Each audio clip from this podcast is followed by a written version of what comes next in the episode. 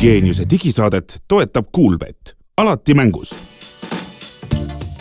tere, head kuulajad, käes on kaheteistkümnes veebruar aastal kaks tuhat kakskümmend neli ja geeniuse digisaade on siin. Hans Lõugas, Meelis Väljamäe, Glen Pilvre.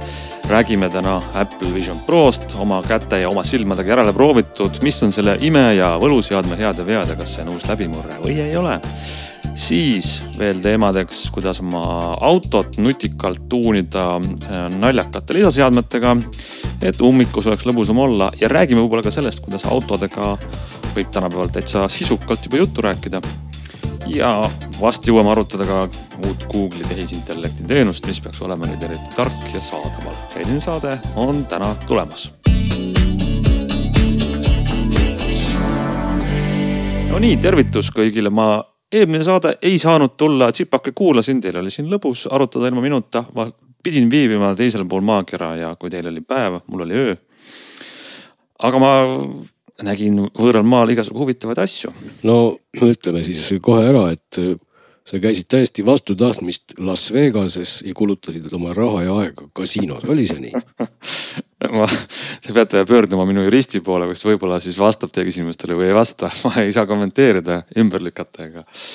aga tõsi küll, Las Vegas on õige linn, Nevada osariik, Ameerika Ühendriigid. ja kui mina seal olin, siis oli just üks huvitav öö, tähtpäev või, või verstapost oli kätte jõudmas, nimelt teine veebruar, kui Apple teatas, et nende Vision Pro seade äh, on jõudnud lettidele. kas see oli siis äh, selline koht, ma peaks muidugi võib-olla kuuletuses vabandama, et ma kogu aeg päris sellise häälega ei ole, et täna on mul niisugune tunne, et, et suust tuleb hääle asemel ka kõiki muid asju, sest mind on tabanud kõik viirused, mis maailmas liiklevad, aga. tahtsin ma siis nüüd küsida selle kasiino jutu taustaks, et ma saan aru, et siis tegelikult sa saidki päriselt äh, panna pähe need suurepärased äh, prillid, mida siis kõik nüüd, millega kõik Ameerikas juba käivad tänavatel ringi ja sõidavad autodes ja mis on päris naljakas muidugi. ja, ja mina küsiks kohe otsa, et kas, kas oleks hea tahtmise korral ka saanud neid osta, et või olid nad selleks ikkagi läbi müüdud, ainult see demoseade oli poes olemas? ma saan aru, et see esimene partii müüdi väga kiiresti läbi. see, see oli jah huvitav on see, et mitte lihtsalt näha seda leti peal, vaid mis sisukas on see, et Apple on teinud selle äh, katsetamise uue seadmest arusaamisele sellise protsessi, sa lähed poodi, ütled, ma tahaks sellega tutvuda. töötaja paneb sulle kolmkümmend minutit kirja, broneerib. minu puhul oli see väga elav järjekord, need ajad tulid ja läksid ja siis ma pidin kokku ootama vist poolteist tundi, jalutama kaubamajas ringi, kuni öeldi, et minu aeg on käes. ja ma oleksin saanud sealt ühe mudeli kaasa võtta, aga ma kohe poole räägime sellest ka, et miks need mudelid on erinevad. Äh, sest et kui mina sinna läksin, siis mul on selline eripära, et ma kannan prille mm. -hmm. ja siis esimeseks asjaks mm, võeti mul prillid eest minu luba küsides ja pandi ühte masinasse, viidi. mis siis mõõtis automaatselt ära minu kumbagi silma ja prilli selle tugevuse ja selle järgi siis see minu demoseadmele pandi sisse need läätsed, Zeissi läätsed, kuna neil on taga, tagatoas neil need kõikvõimalikud variandid olemas.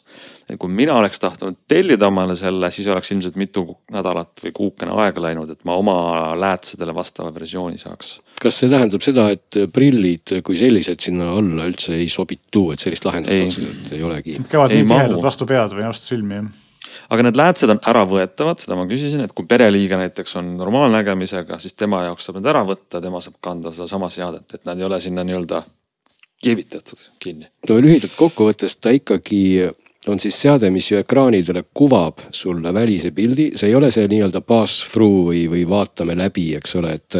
sa näed tegelikult kogu aeg kaamera pilti kuvatuna siis kahele ekraanile, mis on ikkagi väga hea resolutsiooniga, noh paremaga siis kui, kui need tänased metaseadmed.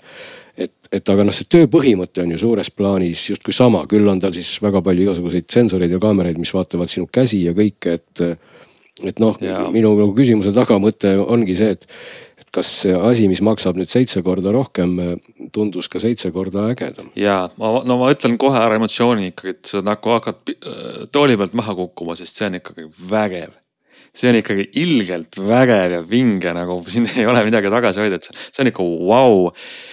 Asi ei olegi selles, et see resolutsioon oleks nüüd super hea, ta on parem, aga ta ei ole nüüd väga hea Äh, see hilistumine on nii väike, ma saan normaalselt ringi vaadata selles toas ja, ja näha inimesi ja ümbritsevat enda ümber. Ähm, aga mis on ikkagi päri, päriselt see noh, see ikka läbimurre, mida nad on teinud seal aastaid seal ehitanud, on see interaktsioonid ja tarkvara. Ma olen siin laua taga ja ma tõmban selle siia brauseri siia ette ja see hõljub ja see vari on laua peal sellest brauserist ja inimesed käivad sealt tagant läbi ja mind ei sega ja. ja ma saan seda teha asju nii, et ma näppudega noh puudutan pöidlaga nimetissõrme, mis on siis klikk ja mu silmad on kursor. noh, see on ikkagi nagu mul oli võib-olla nende klikkimisega, kui ma näpuga siis teen niisuguse puudutuse, küm-, kümnest juhust ühel nagu ei tulnud see välja või oli sihuke misklikk või see ei registreerinud, üheksal juhul töötas. silmadega, kui ma vaatan mingit linki, vaatan ekraani serva, seda brauseri, mis mu ees hõljub, vaatan sinna nurka ja siis äh, näppudega lohistan. ma saan suuremaks teha, et see silmad on kursor, no see see ikka võtab nagu suu lahti alguses, et kuna nad on selle ära teinud, mis on selline ulmefilmi ähm, efekt ja see on see suurim, suurim vau wow.. Kas see tundus, et see silmadega kursori liigutamine noh, kas see tundus nagu päriselt hea mõte ja kasutatav, sest noh, enamasti me ju vahime ikkagi võib-olla erinevaid kohti, võib-olla mõnikord, kuhu sa siis nagu klikkad või kuidas nüüd öelda, et võib-olla sa nagu alati, alati ei taha kinni võtta sellest kohast, kuhu sa vaatad, eks ole, aga teistpidi see iseenesest tundub muidugi väga intuitiivne lähenemine. See on, see on väga hästi lahendatud, et ähm, ma tõesti, ma mõnikord vaatan niisama, et ma ei kliki sinna, aga see, et mul see näpu ja ma hoian näppu ju kuskil vöö kohal või laua peal või noh, ma ei pea näppu kuidagi tõstma üles.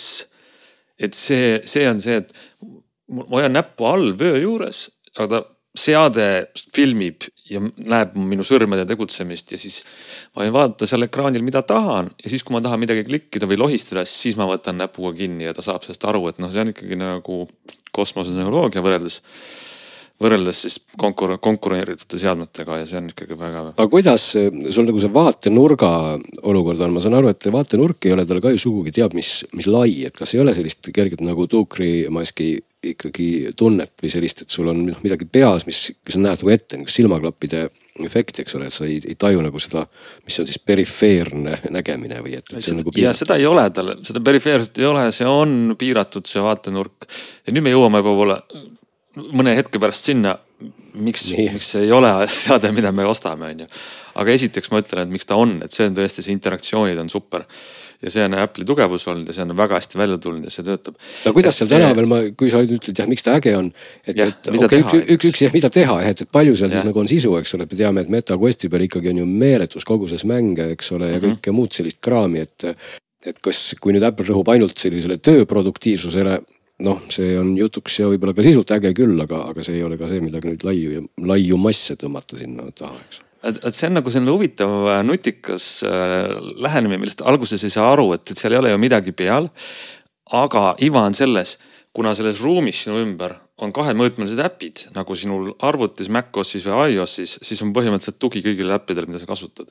et miks välja mõelda, meil on nüüd uus sisu sinu jaoks, kuule, tule vaata. kui tegelikult inimesed ju kasutavad oma telefonis, arvutis midagi brauserit ja vaatad Disney plussi ja sul ei olegi vaja uut sisu see oli kellelgi veel, ma, ma ei tea, kas Metal ei ole sellist tugev, küll HoloLensil mingil varasemal, varasematel prillidel oli samamoodi, et need 2D äpid töötasid ilmselgelt mitte nii hästi kui seal Apple'i versioonil, aga, aga siiski nagu see 2D äpide tugi oli, oli ka teistel olemas. põhimõttena on täpselt seesama asi olemas, et sa võid MetaQuestil täpselt samamoodi tõmmata omale virtuaalseid ekraane hõljuma igale poole ja, ja teha asju, aga, aga noh, seal nagu pigem on see piirav tegur just. Äh, kuidas kasutada see, seda? ei no ma mõtleks isegi mitte võib-olla, kas just kuidas, aga, aga just nagu see resolutsioon ja nagu see tervik, selline tunnetus, et mitte, et sellel uuel Questil nüüd oleks see resolutsioon noh, teab mis halb, eks ole, ta on tunduvalt parem kui eelmisel. aga noh, ikkagi no ma nagu eelistaks täna ikkagi vaadata päris arvutiekraani versus seda läbi prillide kuvatuna virtuaalset arvutiekraani kuskil hõljumas, et mm. -hmm et seal on nagu noh, kui see, kui see resolutsioon on juba nii hea tõesti, et, et see prillidest vaadatuna hõljuv ekraan ongi sama hea või veel parem siis miks mitte selline töö tegemise või. no, no vaata, seal on nagu see, see nagu ütleme, tarbitav osa meie arvutikasutusest on seal mugav, mida ma mõtlen selle asemel, et, et.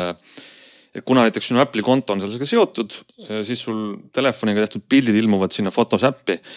Ja, ja üks asi, mida ma nagu väga lihtlabane näidi, näide, aga järsku seal muutub selles keskkonnas väga eluliseks, on panoraamfotod.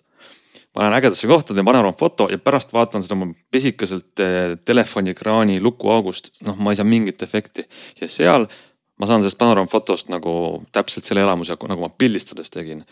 et see on nagu need igapäevased asjad, mida me telefonis arvutis teeme, on mõned on seal nagu väga elavad teine asi, mida sa ütlesid, et see töö tegemine, ma ei kujuta ette, kuidas ma seal tööd teeks, sellepärast et äh, hiir on ikkagi täpsem, kiirem, käepärasem. klaviatuuri kasutamine, ma ju vaatan ikkagi aeg-ajalt alla kogu aeg, kus mu näpud on. et, et ta ei ole nagu, ma ei, ma ei ütle, ma ütlen seda, et liiga vara on hinnangut anda aga esimese kolmekümne minuti põhjal mulle tundub, et ta on selleks osaks, kui sa üheksast viieni teed tööd ja siis õhtul vaatad filmi, pilt, mitte surfad, otsid midagi, et võib-olla siis. vaatasin, noh, kõige suurem probleem, mis selle juures on, ilmselgelt see on nagu tee tulevikku ja, ja näitab nii mõndagi seda, mida siis sellise liitrijaotusega teha saab, aga ikkagi kõige suurem nagu miinus on kogu see asja juures ju see ikkagi see hind, eks ole, et. et on hea küll, aga ta maksab kümme korda rohkem kui Quest, eks ole, noh okei okay,, USA-s vist vähem, aga kui ta Eestisse müügile tuleb, siis ilmselt hakkab sinna viie tuhande euro kanti maksma tõenäoliselt on ju, üle nelja kindlasti. ja Tead. siis noh, ta ei ole kümme korda parem, eks ole Äh, ma ütlen, see hind ise ei olegi probleem. inimesed võiks osta selle raha eest, aga minu jaoks pärast kolmekümmet minutit. füüsiline, füüsikalised piirangud on lahendamata. ta kaalub mm -hmm. üle kuuesaja grammi ta on peas, ta on raske, läheb soojaks ja see on silmadele ja selle otsmikule hullult väsitav. aku on väline ja kestab vähe, eks ole aga, aga no, samas isegi on..., isegi välise akuga on ta raske ja soe. et kui need füüsikalised piirangud lahendada, siis ma oleks nõus maksma sellest kolm tuhat viissada daalerit, mul oleks prillide raskused prillid. selge on ju see, et, et, et see ei ole see toode, mida Apple tegelikult äh, teha tahtis seni, kuni või siis, kui ta selle arendamise ette võttis, ma ei tea, kümme aastat tagasi juba, eks ole, või midagi sellist. aga lihtsalt ongi see, et me tehnika areng ei ole sealmaal, et, et see asi oleks selline, nagu see unistustes või Apple'i inseneri soovis nagu oleks. see Vision Pro on nagu esimene äh, personaalarvuti, esimene iPhone, mis näitab ära, mida me võiksime teha, et tegelikult need järgmised generatsioonid väga palju arendavad edasi. aga see, et sul see interaktsioon ja kasutajaliides toimib nagu seda nad tõestavad praegu. samas, eks ole, saan ma nii aru, et ta ikkagi päris kümne sõrmega sellist virtuaalsel klaviatuuril trükkimist ka ei toeta, et kõikides review des toksitakse ühe näpuga seda klaverit, mis õhus hõljub. ja no see on lihtsalt, ma sisestan midagi, aga ma kujutan ette, et kui ma paaritan temaga Bluetooth klaviatuuri laua peal. seda küll. et noh, siis ma saaks tööd teha, on ju. jah, seda küll, seda on tegelikult ju ju ka proovitud, eks, et ma vaatasin no,. tegelikult neid... on arvuti, et ta on puhtalt CPU ja, ja RAM-iga ja opsüsteemiga arvuti. täna tema nagu, nagu suurim miinus ikkagi kipub olema see, et, et see Quest ja kogu need, see maailm on ju olemas. ehk et teistpidi ta ei tundu nagu noh, et tuleks ta tühja koha pealt sellise asjana, nagu ta tuleb. aga noh, mulle praegu vähemalt jutu järgi tundub ta lihtsalt natuke parema resolutsiooni ja lihvituma kasutajaliidesega siis võib-olla jutu järgi, kui on tänane Quest kolm. et ta ei, ta ei ole nagu selline asi, mis, mis tuleb nagu täitsa ennem ei olnud üldse ja no vot nüüd on vau sest tegelikult jah, ostad täna viiesaja eurose Questi, sa saad ja. ka noh näppudega asju teha, võtta, lohistada, möllata, vaadata oma panoraamafotosid või, või 3D videoid või no mida iganes, et. et ja ikkagi minu jaoks ka seal nagu see piirav faktor on just see, et et noh, ma nagu mingil hetkel tajun, et ma ei taha lihtsalt seda kolakat omal peas hoida nii Just. kaua või noh, et ta nagu. mina arvan sama. et, et kui, kui Ehk see kolakas siis... ei ole enam kolakas, kui see kolakas ongi prillid yeah. ja võib-olla ma vaatan sealt läbi noh, just, just nagu sellist kasutusstsenaariumit nagu Apple rõhutab, et ta nagu minu päris maailma kogu aeg näitab mulle siis võiks ju ikkagi lahendus noh olla hoopis selline, et see päris maailm ongi päris ja need prillid kuvavad ikkagi sinna päris maailma peale siis neid lisa. no see on asju. lõpuks ju nende soov ka, aga nad pole sinnamaani veel jõudnud ja no ega see päris maailm, mis kaameratest näit-, näidatakse, see ka ikkagi siin ülevaadetest tuli välja, et ta väga hea ei ole, eriti kui vähegi vähem valgust on, eks ole, aga. aga noh, minu jaoks on ikkagi probleem see, et see, see hind on nagu, no ma saan aru, et see hind on ilmselt võib-olla ka meelega mingil määral selline, et ei oleks nagu sellist liiga suurt massi sellisel nii-öelda nii-öelda eks, eh, eksperimentaalsel no, tootel, kui ta oleks üheksa, üheksa, üheksa ehk siis kaks korda kallim kui Quest, siis ta oleks võib-olla nagu mõistlik. aga nagu usu, sellise raha eest sellist asja osta. inimesed maksavad telekate eest tuhandeid dollareid, aga vahe on selles, et telekat ma saan vaadata kaks tundi järjest ilma, et ma ära väsin äh,. isegi rohkem. telekas saad ka vaadata ka oma, oma, oma olla... pere ja sõpradega, aga see on nagu selline väga üksik äh, tegevus. no see, see on juba järgmine küsimus, aga eks need toode, mida on võimalik kasutada mitu tundi, on ju. ma saan oma arvutit kasutada mitu tundi, ma saan oma telefoni äh, me kõik olime närvis, kui nutitelefonid pidasid vastu ainult ühe päeva akuga võrreldes varasemalt, aga tegelikult me oleme ära harjunud sellega. praegu ja. see toode, mis maksab kolm tuhat viissada, ei ole kasutatav rohkem kui kolmkümmend minutit. Ja see on see probleem. lausa kolmkümmend minutit on see tema praeguse akupakiga aeg. ma ei räägi akupakist, ma räägin sellest. aa, lihtsalt no, nagu tunde peas, ja, ja, ja. on ju, just, et mm, -hmm. et noh, sa saad kasutada, aga lihtsalt sul nagu, nagu pinge on ju et seal on see piirang ja ma arvan, et see on barjäär, mis on vaja ületada. nojah, ja teistpidi muidugi, eks see noh, me võime harjuda sellega, et kui inimesed kõik nendega noh, piltlikult siis ringi kommerdavad need tuukrimaskid peas. no see on juba naljakas. ta on nagu naljakas. selge on see, et mitte keegi ei hakka, välja arvatud mõned üksikud hullud ei hakka sellega õues ringi koperdama no,, lennukis on okei, kodus ka. juba käivad, ära sa märgi. ära sa, mina ütleks ka, et ei tasu olla sugugi nii kindel, et, et. inimesed teevad igasugu lollusi. teevad ja, ja noh, kui see asi oleks veel omamoodi nagu sihuke moekas või trendikas käia nendega ringi, no miks mitte noh, et lõpuks ongi see, et, et kui. ja no selles mõttes see on, see on jah omaette asi, et me oleme seda varemgi näinud, et eh, millegipärast Apple suudab seda teha, kus keegi teine ei suuda, et kõige jaburamad asjad tehakse trendiks, et noh. AirPods'id, mis mul siin Antsu kõrvast välja paistavad ja ka siiamaani väga koledad on, on trendiks muutunud, eks ole, et.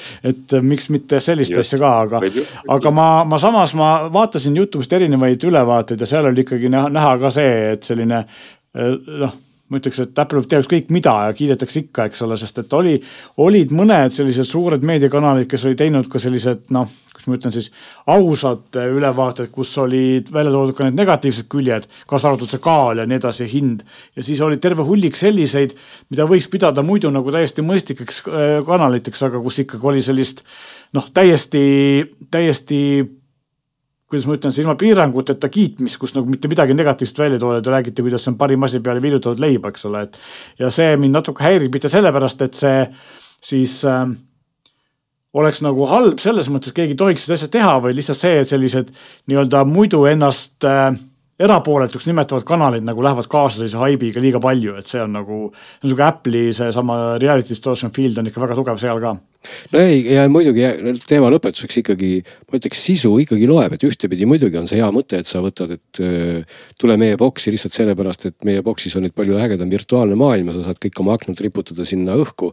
aga teistpidi, kui sul on pakkuda ikkagi selline sisu, noh nagu täna ka Questil on kasvõi mängudena see on kõva sõna, et see noh, ma ütleks, et mitte, et ma nüüd Questi kasutaksin kakskümmend neli seitse, vastupidi, ta on jälle mul olnud kogu aeg riiulis peaaegu viimase kuu.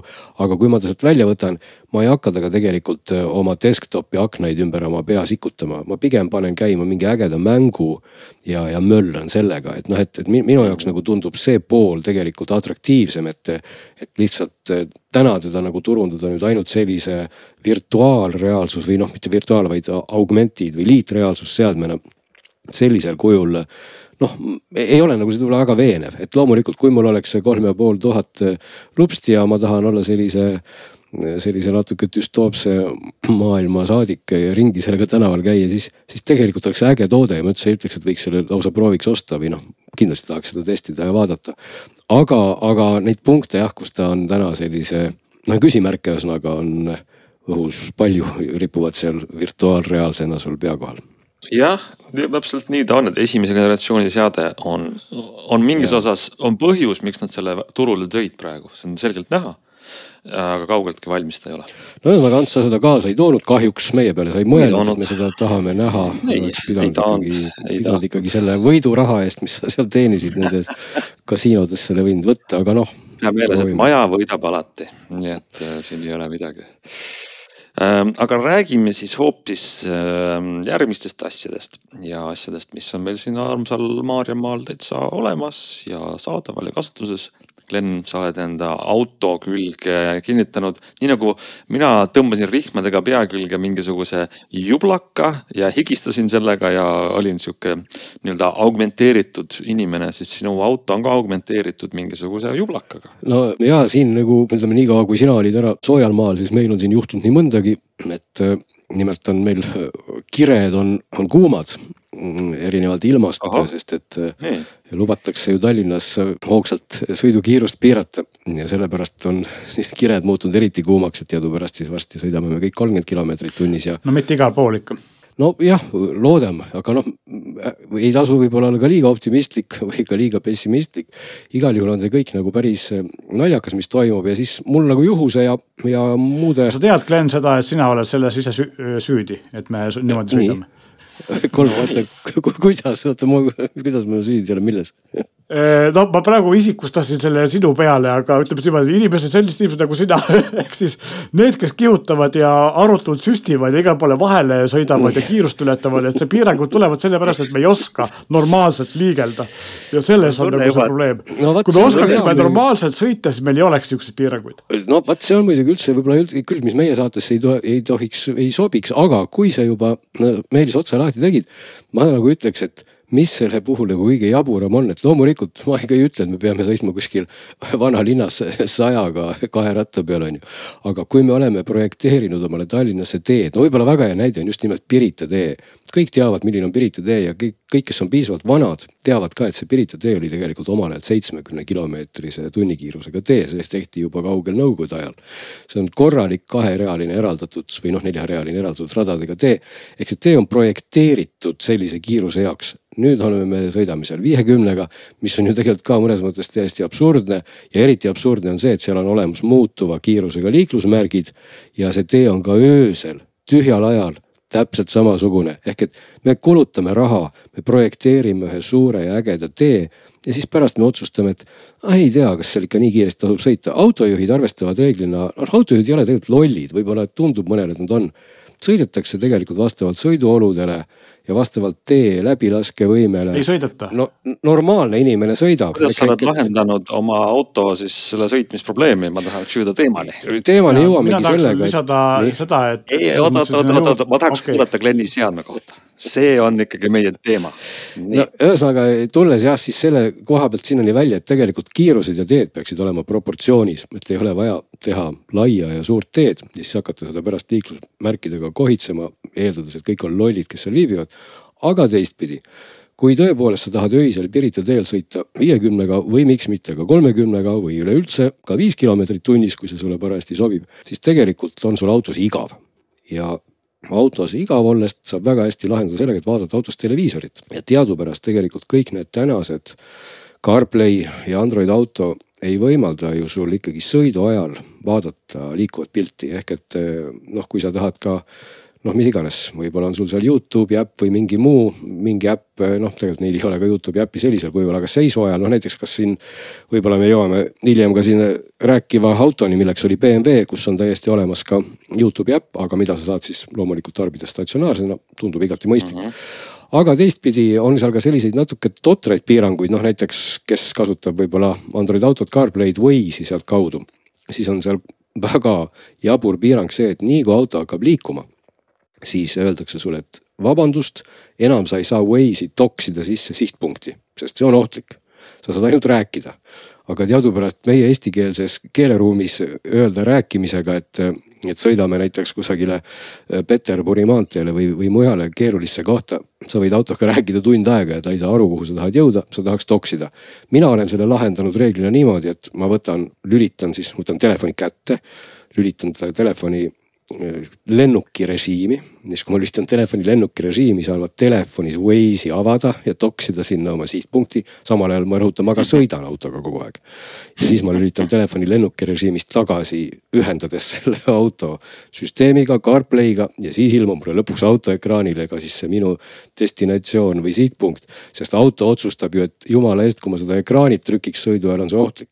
see on ju absurdsuse nagu tipp klassi näide tegelikult ehk et eh, kuidas tegelikult piiratakse mingisugust funktsionaalsust, aga selle arvel tekitatakse juurde hoopis palju ohtlikum olukord, eks ole. nüüd, kui ma ühesõnaga võtan siis sellise seadme, millest ma tahan kohe rääkida, see lahendabki kõik need probleemid, ehk tegemist on sellise toreda karbiga, ma sattusin nimelt Audio City'sse rääkima hoopis OBD adapteritest, millest me võime ka võib-olla oma saates millalgi rääkima, rääkida. aga neil oli siis riiulis selline tore, tore asi, mille nimi oli Carlinkit, kui ma ei eksi, on selle toote nimi ja see on mm, firma, kes toodabki selliseid, selliseid naljaka suunitlusega karpe, eks ilmselt on neid tootjaid võib-olla teisigi. ja see karp on siis selline pisikene julla, USB-C kaabel läheb sinna taha ja teine ots sellest USB-C-st peaks siis ühendama auto külge, kus on siis ka USB auk meil tänastel uutel autodel enamikul ja autol peab olema siis CarPlay tugi ehk et ta ühendab siis nagu juhtmega CarPlay on siis see võlusõna, mis autol peab olema. kui autol see on olemas, siis see karp iseenesest on Android opsüsteemiga seade ehk et tegelikult auto siis ütleb, et tere, minu CarPlay seade, olgu see siis iPhone või mis iganes, auto näeb, et tema külge pandi siis CarPlay toetav seade. tegelikult see seade on siis Android opsüsteemiga seade. Android simuleerib auto jaoks äh, iOS no, seadet. ta, ta ühendab läbi CarPlay auto külge seadme, mis tegelikult on siis täisfunktsionaalne Android seade kogu oma opsüsteemide ja kõigega. ehk et mul tekib nüüd auto ekraanile noh piltlikult öeldes Android tahvel mm. -hmm. ja, ja, ja see Android tahvel on siis omakorda võimalik, on selle Android tahvliga ühendada veel näiteks, kui ma tahaks ka juhtmevaba CarPlay'd või juhtmevaba Android autot. näiteks kui teil on selline stsenaarium, et teil auto juhtumisi toetab ainult juhtmega CarPlay'd aga te tahate näiteks kasutada juhtmevaba Android autot, mida teie auto ei toeta, siis see seade võimaldab ka seda, eks ole, aga minu puhul noh, kuna mul auto toetab mõlemat, huvitas mind just see pool, et mida see seade siis annab mulle juurde nagu sellise Android tahvlina nii-öelda ja annabki ta nüüd juurde mulle piltlikult öeldes kõik need asjad. ehk et ma saangi nagu mööda siis sellest Android auto äpi ja turvalisuse piirangutest sest kui ma kasutan nüüd Waze'i selle seadme peal, siis ta ei ütle mulle, et palun pargi auto ja, ja toksi. ta ütleb küll, et tõesti ära sõidu ja toksi, aga ma saan seda teha. ja teistpidi saan ma siis siit panna käima ka loomulikult kõikvõimalikud muud meelelahutuslikud äpid alates Youtube'ist või Netflixist või ERR-i äpp kenasti koos kõikide kanalitega.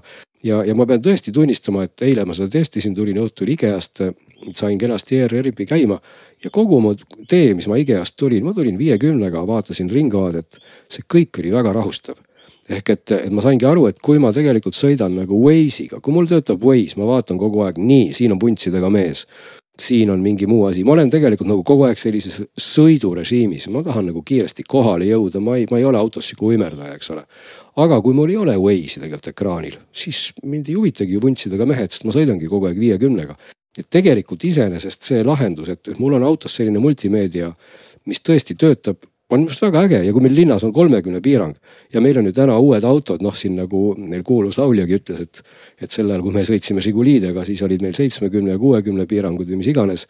täna on meil autod, kes piltlikult pidurdavad ennem jalakäijaid ja teisi autosid ju ise ja, ja nüüd me hakkame. Neid on ikka väga vähe veel. no neid võib-olla on vähe, aga noh, pean mainima, et uuemad viimaste aastate autod juba teevad seda kõik. ja noh, Eestis, eestlased on ikkagi auto, paneme siia piiksu, et tegelikult äh, olukorras lihtsalt, kus autod tegelikult pidurdavad ise, me sõidame kolmkümmend kilomeetrit tunnis siis äh, selliste meelelahutuslike saadete vaatamine autos on tegelikult täiesti rahustav tegevus, et, et sa ei, sa ei pea ruttu enam kohale jõudma, sest tegemist on huvitava saatega et selles mõttes mulle see, mulle see asi hakkas täitsa nagu meeldima, et ta nagu noh, ta nagu vabastab ära kõik need piirangud, loomulikult ma ei pea ju kogu aeg autos televiisorit vaatama, ega ma siis päris nagu mingi loll ei ole. no tegelikult on see ikkagi juhtimise osast sul tähelepanu on ju seal. no mina ei ole ka sellega üldse nõus. kui sul keegi laps astub tee peale, kui laps astub tee peale, siis selle seadme. ükskõik millise pildi vaatamine liikuvas autos on ikka päris no-no. kui laps astub tee peale, siis on selle, see seade tegelikult sul lõpuks süüdi selles, et no ma, ma üldse ei vaidle, et see nii on, ega see siis ei tähenda, et ma nüüd vahin nagu silmaklappidega seda oma keskmist ekraani seal, eks ole. küsimus on, kas see ekraan annab midagi juurde võrreldes sellega, kui sa tahad, sinu jaoks on nagu väärtus, et sa saad roolis olles vaadata telekat, et kui sa vaatad seda telefonist, et kas. ja, nagu aga, aga noh, minu jaoks on nagu väärtus see, et kui ma oleks kolmekümneses ummikus, kus auto niikuinii ka pidurdab ja kui mul ei, noh, ma ei vaata ju autost mingit sellist märulifilmi Dolby Atmosega, eks ole. Et kui mul tiksubki seal selline ringvaate taoline jutusaade, ma ju ei vaata seda pilti nüüd äh, silm punnis kogu aeg. ma pigem kuulan seda juttu nagu raadiot aga, aga, aga, aga see on mul võimalus. ja ühel hetkel sa näed silmanurgast mingit liikumist ja siis äh, sa ei märka seda, et, et su piki vahe läheb selliseks, sa oled kellelgi tagant sisse sõitnud. võib-olla siis ühel hetkel juhtub, aga igal juhul noh, tänaseni, kui ma siin Waze'iga nii-öelda ringi kihutan noh, ma ei, ei ole seda nagu juhtunud, et ehk tege-, tegemist ei ole üldse, et ma nagu propageeriks nüüd, et hakake kõik vaatama televiisorit. aga kui me peame sõitma ikkagi kolmekümnega selle koha peal, kus tegelikult võiks sõita palju kiiremini ja tegeleda autos auto juhtimisega. siis minu arust üldse vähem jabur ei ole see idee, et, et me võime autos teha ka muid asju, ehk et siin on, võib ka vaadata sellist ja. väikest võrrandit selle koha peal. noh, vot siin me peame küll, mina pean ütlema ja muideks Meelis vist kõlab ka niimoodi, et me, meie seda ei toeta, mida Glen räägib. ootaks, ootaks selles... ära isesõitvad autod ja siis tegeleks muude asjadega autos. aga iseenesest sellega ma olen nõus äh, Gleniga, et, et on kohti, kus noh, võib-olla meil aitaksid kaasa mingisugused äh, nutikas liiklussüsteem või mingid nutikad liiklusmärgid, mis dünaamiliselt suudaks kiiruspiiranguid muuta, sest et tegelikult on ka, ma olen nõus sellega, et on hetki, kus on teed täiesti tühjad ja siis ei peaks võib-olla kolmekümnega sõitma ja on kohti, kus no,, kus teate me tahame kõik olla need liikluse asjad eksperdid ja see on väga tore, sest me osaleme liikluses. Äh, aga eks..., aga oota, las ma räägin lõpuni, ma tahan öelda seda, et sama me nagu, nagu Vision Prost räägime, siis inimesed panevad sellega pähe ja on esimesed videod, kus nad rooli taga on, sest et sa ju näed sellest läbi, sa näed, mis ees on ja auto hoolitseb sinu eest, kui ta pidurdab. et see on, see on nagu lahe ja pull, aga. kindlasti tulevad ka esimesed trahvid. aga ma arvan, et äh, kahjuks tulevad ka esimesed õnnetused, nii et selles mõttes on see asi, mida ei tasu teha. ütleme, et noh, siis tulles tagasi sellesama seadme juurde, et mulle väga-väga meeldib uskuda sellesse, et inimesed ei ole lollid. mulle väga meeldib uskuda sellesse, et inimesed tegelikult on targad ja neil on mõistust, ma saan aru, et. sa oled naiivne. võib-olla ma olengi naiivne, aga minu maailmas esin-, minu maailmas võikski olla inimesed, kes kes ei ole lollid ja, ja kes nagu võtavad vastutuse ja teavad, mis nad teevad. ma ei taha, kui selle vastutuse võtab minu eest keegi teine, kes ütleb mulle, kui tark ma parajasti olen. ja see ongi täpselt seesama koht, kust see seade väga hästi eh, nagu avab minu jaoks nagu maailma, ehk et need piirangud kaovad natukene ära, ma saan vabalt autoekraanile asju.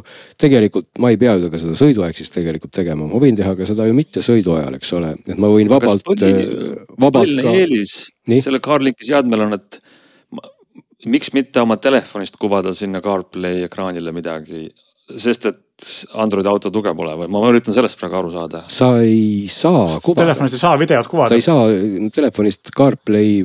aga kui see seade kuvab läbi CarPlay, siis auto laseb seda mängida, on nii?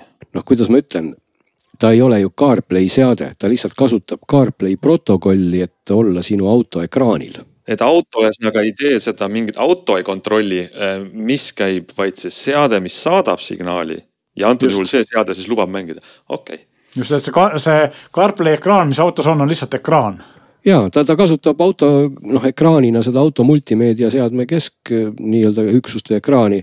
aga, aga ühendus iseenesest või noh, kogu see aju või, või tarkvara jookseb selles tahvlis. tõsi, seal on ka muidugi miinuseid, millest ma praegu ei, ei jõuagi võib-olla enam pikalt rääkida, on võib-olla just see, kui me turvauuendustest siin rääkisime. et, et seal on nagu, kuidas ma ütlen mida soodsam on selle hind, seda vanem on seal Android.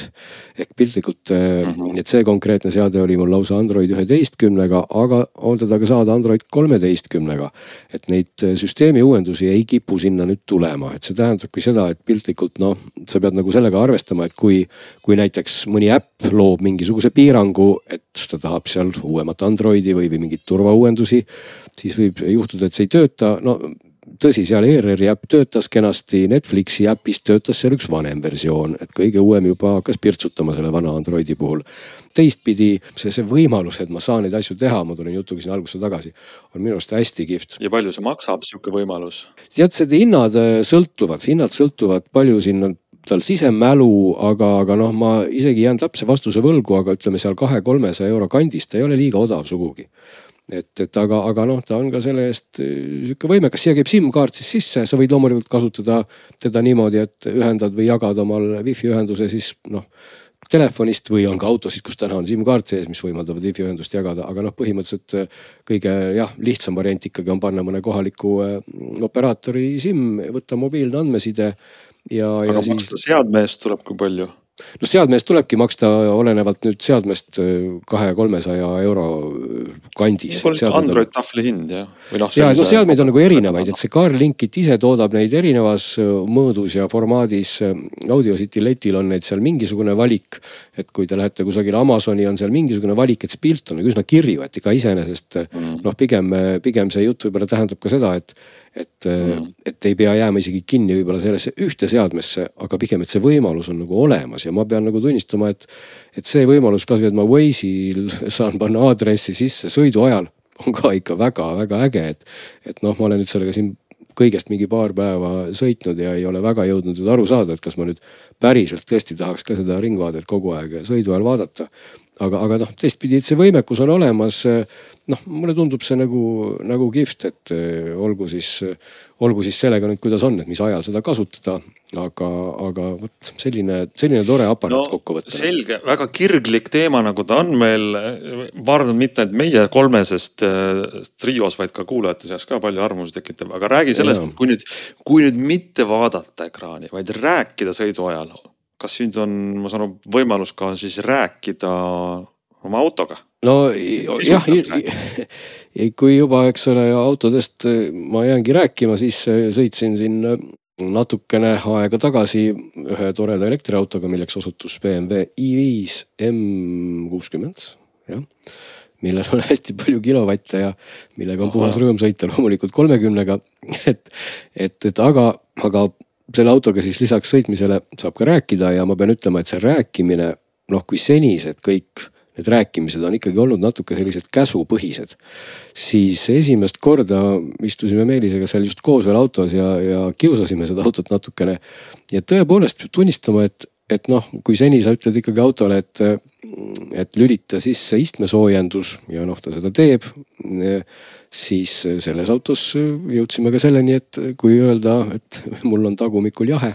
My butt is cold Okay, the seat surface will be warmer shortly. siis auto tõlgendas seda täpselt samamoodi ja, ja aktiveeris istmesoojenduse. ja, ja täpselt samamoodi oli siis käed ja roolisoojendus ja, ja, ja noh, ühesõnaga sa võisid suhteliselt vabas vormis rääkida ja öelda, mida sa tahtsid ja auto tegi seda, et. see, see kõlab nagu uskumatult, sest äh, kümneid aastaid on autos olnud see nupp, häälkäskluste nupp. kus tuleb siis karjuda mingisuguse süntaksile järgnevas mingis tempos, hääletooniga, tugevusega sõnu. ja siis võib-olla auto saab midagi aru, et see on täiesti nagu uskumatu, mida sa praegu. see on uskumatu ja küll, aga noh, võib-olla seal ikkagi oli see koht, et kas mul oli ka väga nohune hääl ja minu inglise keele hääldus ei ole päris selline võib-olla nagu BMW insenerid on seda ette kujutanud ehk, ehk, ehk et see auto. nasaalse häälega sakslased on sisse lugenud teksti no,. jah, et, et mul, mul ikkagi ka kohati autoga kommunikeerimine jäi nagu selle taha, et auto sai valesti natuke aru, et ma maanteel sõites proovisin korduvalt sundida teda oma jalgu soojendama. noh, öeldes siis nagu leeks erinevate intonatsioonide ja häälekõrgustega ja auto sai kogu aeg aru, et, et mind vaevavad laulusõnad ehk lyrics, lyrics. ja siis ta üritas kogu aeg aru saada, et miks ma tahaks oma lyricsit soojendada, siis ma ütlesin, et ei, et palun, et leeks on see koht, kuhu ta võiks õhku puhuda. aga noh, talle ma näen ekraanil, eks ole, et ta transkribeerib minu jutu ju tekstiks. ja kogu aeg siis Leeksi asemel ütles ta mulle laulusõnad. nii et kuniks ta saab minu sõnadest õigesti aru, siis ta tegi ka suhteliselt õigeid asju. ja loomulikult noh, see hääljuhtimisega kontrollimine ikkagi puudutab väga suurt osa auto funktsionaalsusest, et noh, tõsi, seal ei saanud mõningaid asju teha, noh katuseluuki ta ei avanud, ta ütles, et ei, et see läheb tema võimekusest välja, küll kõiki aknaid ta avab lülitab äh, sõidurežiime muide, mis, mis oli noh, tundus mulle, et ohoo, et kas ma saan seda tõesti häälega teha. Ja piisab, kui ma ütlen talle siis emotsionaalselt või vähem emotsionaalselt sport või, või efficient või mis iganes. me ei pea isegi väga pikalt seda tegema, ta kohe seda hopsti teeb. Ja, ja noh, muidugi arvestades veel selle auto iseloomu nagu ma ütlesin, siis oli selle kilovatte kaugelt rohkem, kui ühegi mõistusega ja mõistuseta inimesel vaja on. siis kui sa lülitad ta ikkagi sportrežiimi, siis ta noh, tõmbab ka need istme seljatoe niimoodi kokku, nii et et nagu koostöös selle häälega seda käsku anda. see oli nagu naljakas, sul tuli nagu naeratus suunurka, sest kui sa ütlesid, et nüüd, et sport mhm. mode please siis kõik autos muutus, valgus, iste tõmmati kokku. ja, ja sul tõesti tundus, et ah, et no nüüd läheb päris hulluks, eks ole, nii et, et iseenesest täitsa sihuke noh, ütleme mina, kes on tulnud ikkagi Michael Knighti generatsioonist. mulle tundus praegu, et vot nii, et nüüd see nüüd on kohas nüüd see hakkab käes olema, et see on nagu vägev. ja noh, siinkohal tasub ju meelde tuletada, et me isegi ütlesime vist, et Vaak Grupp oli see, kes CES-il teatas oma autodes just nimelt eh, siis keelemudeli kasutusele võtmisest uutes mudelites ja ja ilmselt see BMW tõesti, kas ta on ka midagi sellist teinud ja vaevalt ta seda siis tegemata jätab, kui ka täpselt veel ei ole, nii et. nii et ega tulevik ongi see, et me saame vabalt autoga ju rääkida. ja mis võiks olla veel toredam, kui autoga sõidu ajal rääkida, siis ei peagi isegi võib-olla telekat vaatama, kui sa saad seal äh, kolmekümnega autoga, autoga filosoofilisi vestlusi. palun Glenile see BMW, ma olen poolt. ma tegelikult arvan, et, et sellega seoses ilmselt me ikkagi näeme, kui need keelemudelid arenevad ka seda, et, et Glenil kaob või noh, minul ka tegelikult sama probleem, et see ole Gleni probleem. meil kõigil on ilmselt see probleem, et, et eh, veis ja muud asjad ei saa väga hästi aru, kui me eesti keeles ütleme, kuhu minna, et, et ka selle peaksid need keelemudelid mingil hetkel ikkagi pigem varem kui hiljem ära parandama, lootus on. no see on äge, see on äge, aga võib-olla lähme järgmise teema juurde, eh, sest keelemudelid on nagu viimased kaksteist või kaheksateist kuud olnud nagu kõige kuumem asi aga järgmiseks võtame ette Google'i Gemini, mis minu arusaamist mööda midagi enamat kui keelemudel, eks, et see ei ole ainult tekstipõhine, vaid äh, uus ja vinge äh, siis masinõppemudel. Äh, mis on eriti tugev ka visuaalse meediaga ja selle uus versioon on nüüd siis käes, väljas, kättesaadav, kasutatav äh,, isegi tasuta proovitav. kas te olete Gemini Advanced äh, mudeliga nüüd tuttavad? jah, te vaata tegelikult selles saates, kui sina tutvusid ähm, nende prillidega, siis me vist võtsimegi teemaks just ka selle kui ma ei eksi, just see, et siis sai nagu avalikuks see, et, ähm, et Google Bard oli ta siis sellel hetkel veel kasutab nüüd siis seda uusimat Gemini mudelit. et see kõik on olnud natuke ausalt öeldes segane, aga tänaseks on juhtunud hoopis see, et Google on sellest Bardist justkui üldse loobunud, nüüd on kogu selle asja nimi neil Gemini. ja, ja nüüd siis seesama Gemini, mis siis oli veel nädal tagasi ilmus meile sinna Bardi konteksti ja oli siis selline suur uudis. Nüüd on siis sellest Geminist väljas siis see nüüd veel järgmisem versioon, mille nimi on siis Gemini Advanced. ja vot see Gemini Advanced on nüüd siis see, see versioon, mis sellest mudelist, mis peaks olema nüüd see kõige-kõigem ja mis loomulikult ei ole enam tasuta ehk et kui siis see tavaline Gemini on tasuta, siis Advanced hakkab olema kakskümmend kaks dollarit kuus ja, ja täna on võimalik siis selle Advance'iga teha tutvust kahe kuu jooksul Mm, täna noh, tänasest siin alates. et vabalt võite siis ise proovida. tõsi, mina ei oska ka nüüd täna noh, alles see asi siin meie tegemise ajaks, me salvestame saadet natuke ette avalikuks tuli, et, et ei ole teda nüüd mingite väga kiuslike küsimustega testinud. aga noh, põhimõtteliselt peaks ta olema siis igas mõttes parem, loogilisem, loomingulisem ja kõik need muud jutud, nii et see on see koht, kus kõik kuulajad ja vaatajad võiks ka vabalt ise proovida ja vaadata, tõesti täna on see võimalus tasuta no ja, ja, ja lisaks, lisaks ta ei ole ju puhtalt keelemudel, et tal on ka see pildi tuvastus, tuvastus ja, ja kogu see mit, mitmed meediatüübid on ju, et see on nagu põnev võrreldes siis tavalise chat GPT-ga. ja ei noh, täna GPT4-l on ka pildituvastus, et, et tegelikult ega nad on üsna, üsna sama sammu astuvad nad kõik, et, et noh, aga GPT4 eest sa täna pead ka maksma kakskümmend eurot kuus, nii et noh, näis, kuhu see konkurents selle hinna lükkab või kas, kas lükkab, aga mulle jah tundub pigem, et. et ongi varsti nii, et me maksame siin noh, piltlikult iga sellise asja eest umbes nii palju, et päris tasuta me ei saa, et iseküsimus ongi selles, et. et kas meil on nüüd vaja seda noh, et kas see advanced Gemini või Gemini on siis nii palju parem kui see teine sellise tavalise jutu või suhtluse jaoks. et, et selle, et ta oleks väärt seda raha, eks ole, ja noh, muidugi Google ise ütleb, et et seesama mudel siis, kui te võtate selle tasulise liitumise, siis peaks ka nüüd õige, õige pea siis, millal iganes see tulevik meil kätte jõuab, integreeruma ka siis loomulikult kogu sinu muude Google'i teenustega, noh nii nagu Microsoft siis oma Copilotiga tahab eh, sinu meile eh, lugeda, võib-olla kokkuvõtteid teha, siis Google samamoodi ütleb, et see hakkab olema siis Gmailis ja muudes Google'i teenustes, küll aga ka sinna juurde ütleb, et loomulikult treenimiseks ei kasutata siis sinu neid isiklikke andmeid. ehk et mm, -hmm. et, et sa pead, võid anda ise nõusoleku, et sinu juttu kasutatakse treenimiseks, sa võid anda oma jutule alati tagasisidet.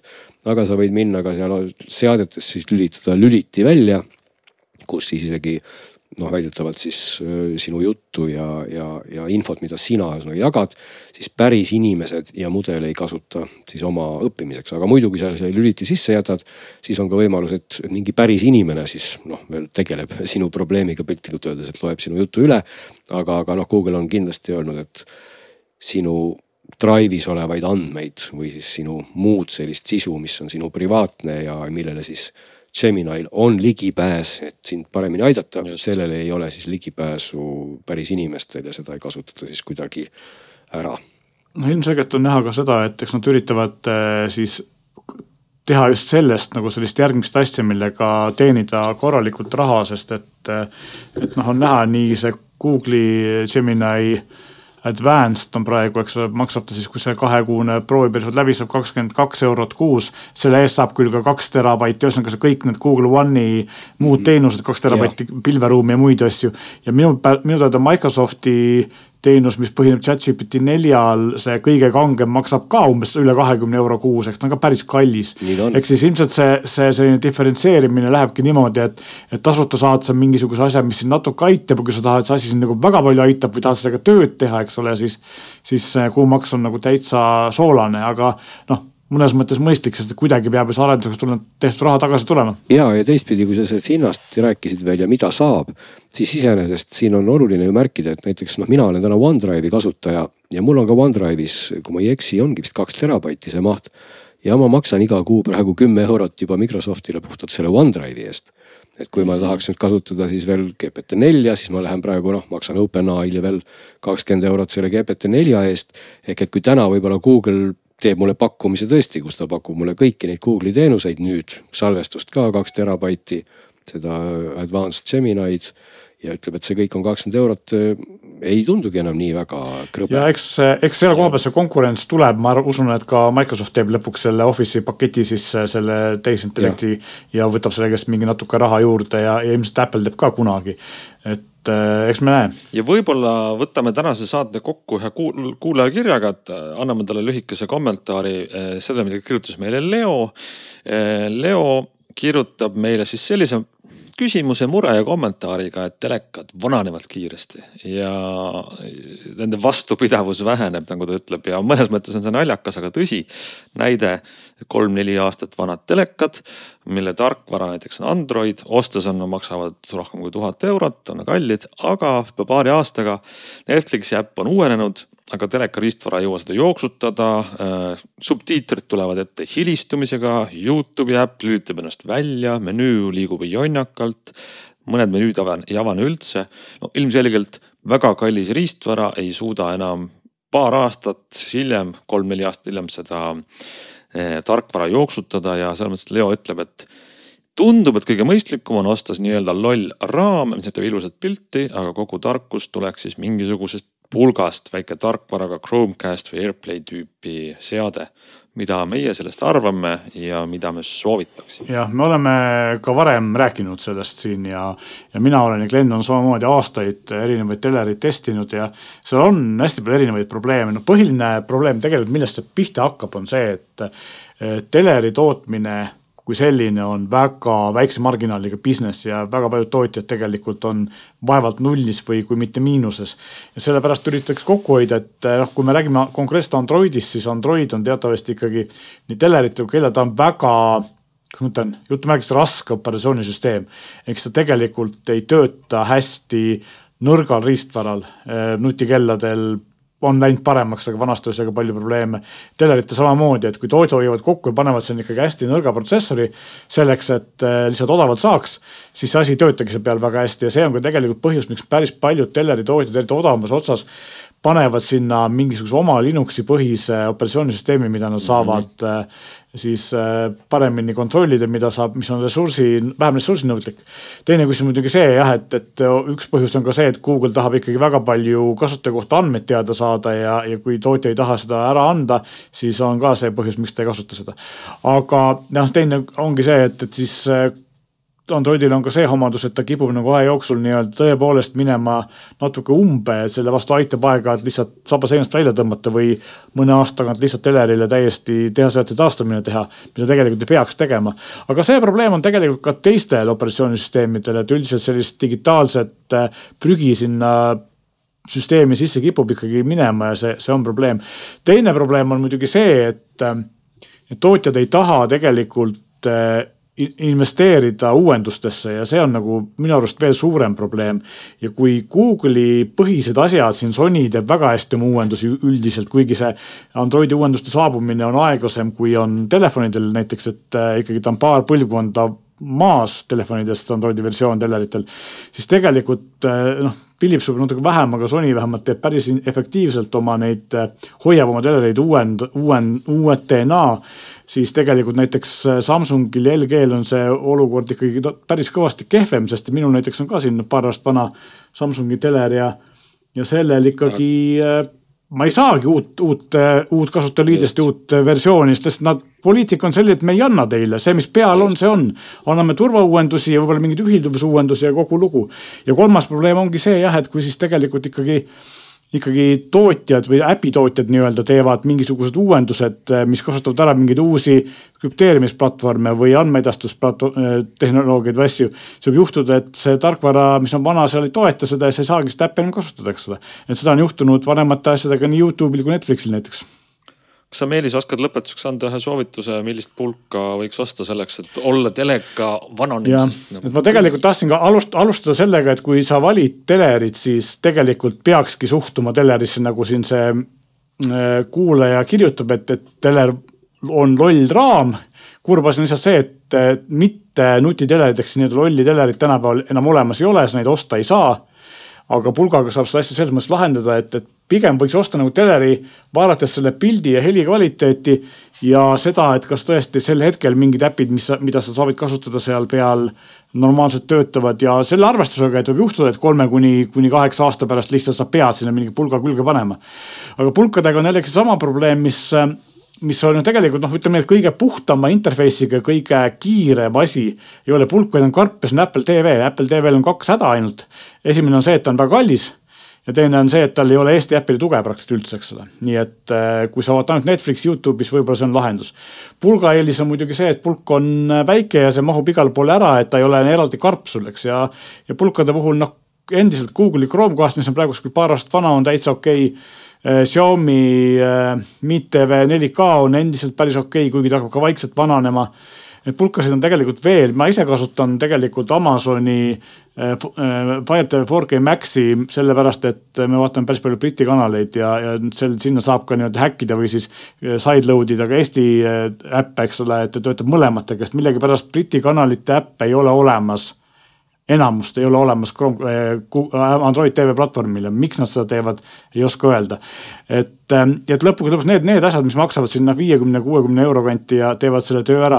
aga siin on nagu seesama asi, millest me rääkisime eelmine kord, see reklaamide tugi ja nii edasi, et seesama Amazoni Fire TV, mida mina kasutan, kuigi on hea hinna-kvaliteedi suhtega, siis seal ikkagi noh, näeb aeg-ajalt ka pesupulbri reklaami, eriti kui ma olen VPN-iga ennast Inglismaale eh, valetanud, siis eh, nad arvavad, et ma olen Inglise tarbija ja nad saavad mulle näidata igasuguseid omapäraseid äh, reklaame. heal juhul ma näen seal Cupra reklaami näiteks, aga kehvemal juhul ma näen seal jah, mingit pesupulbrit. pead ostma pesupulbrit ja Cupra endale lisaks siia siis võib-olla veel juurde paar nüanssi, ma vahepeal rääkisin Geminiga ka. tegelikult inimesed keskmiselt muide vaatavad telerit umbes seitse kuni kaheksa aastat, enne kui nad seda vahetama lähevad ja tippmudeleid vaadatakse keskmiselt umbes kümme aastat et eh, see tähendabki, et omas mõttes on nagu paradoksaalne, et me mobiiltelefonidest, kus justkui tootja utsitab noh iga aasta tulema meid poodi ja see välja vahetama.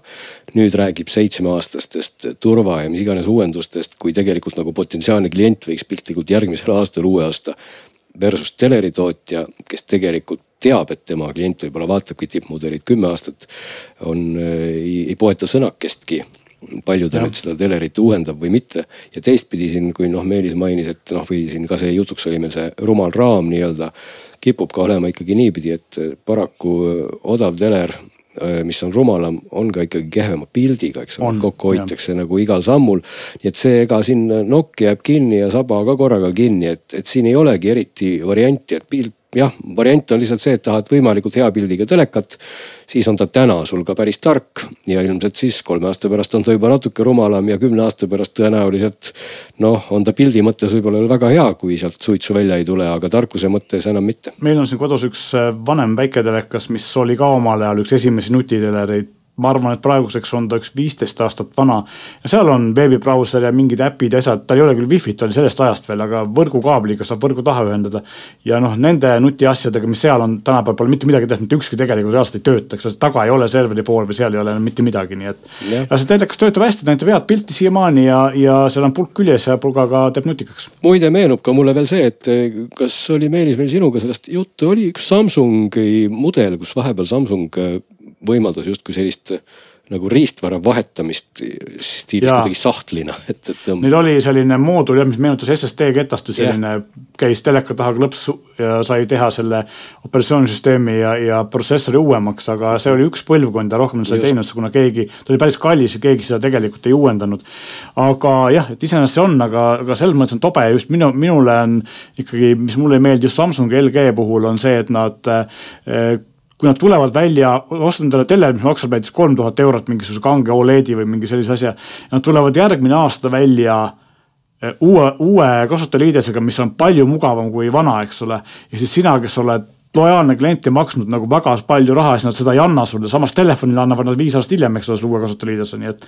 et see on, see on nagu ebanormaalne. nii ta on. selge pilt, aga siis on kahjuks reaalsus, millega tuleb leppida aga ärge muretsege, meie siin saates aitame teil sellega leppida, nii nagu täna, nii ka nädala aja pärast, nii et aitäh kõigile osalejatele ja aitäh kõigile kuulajatele.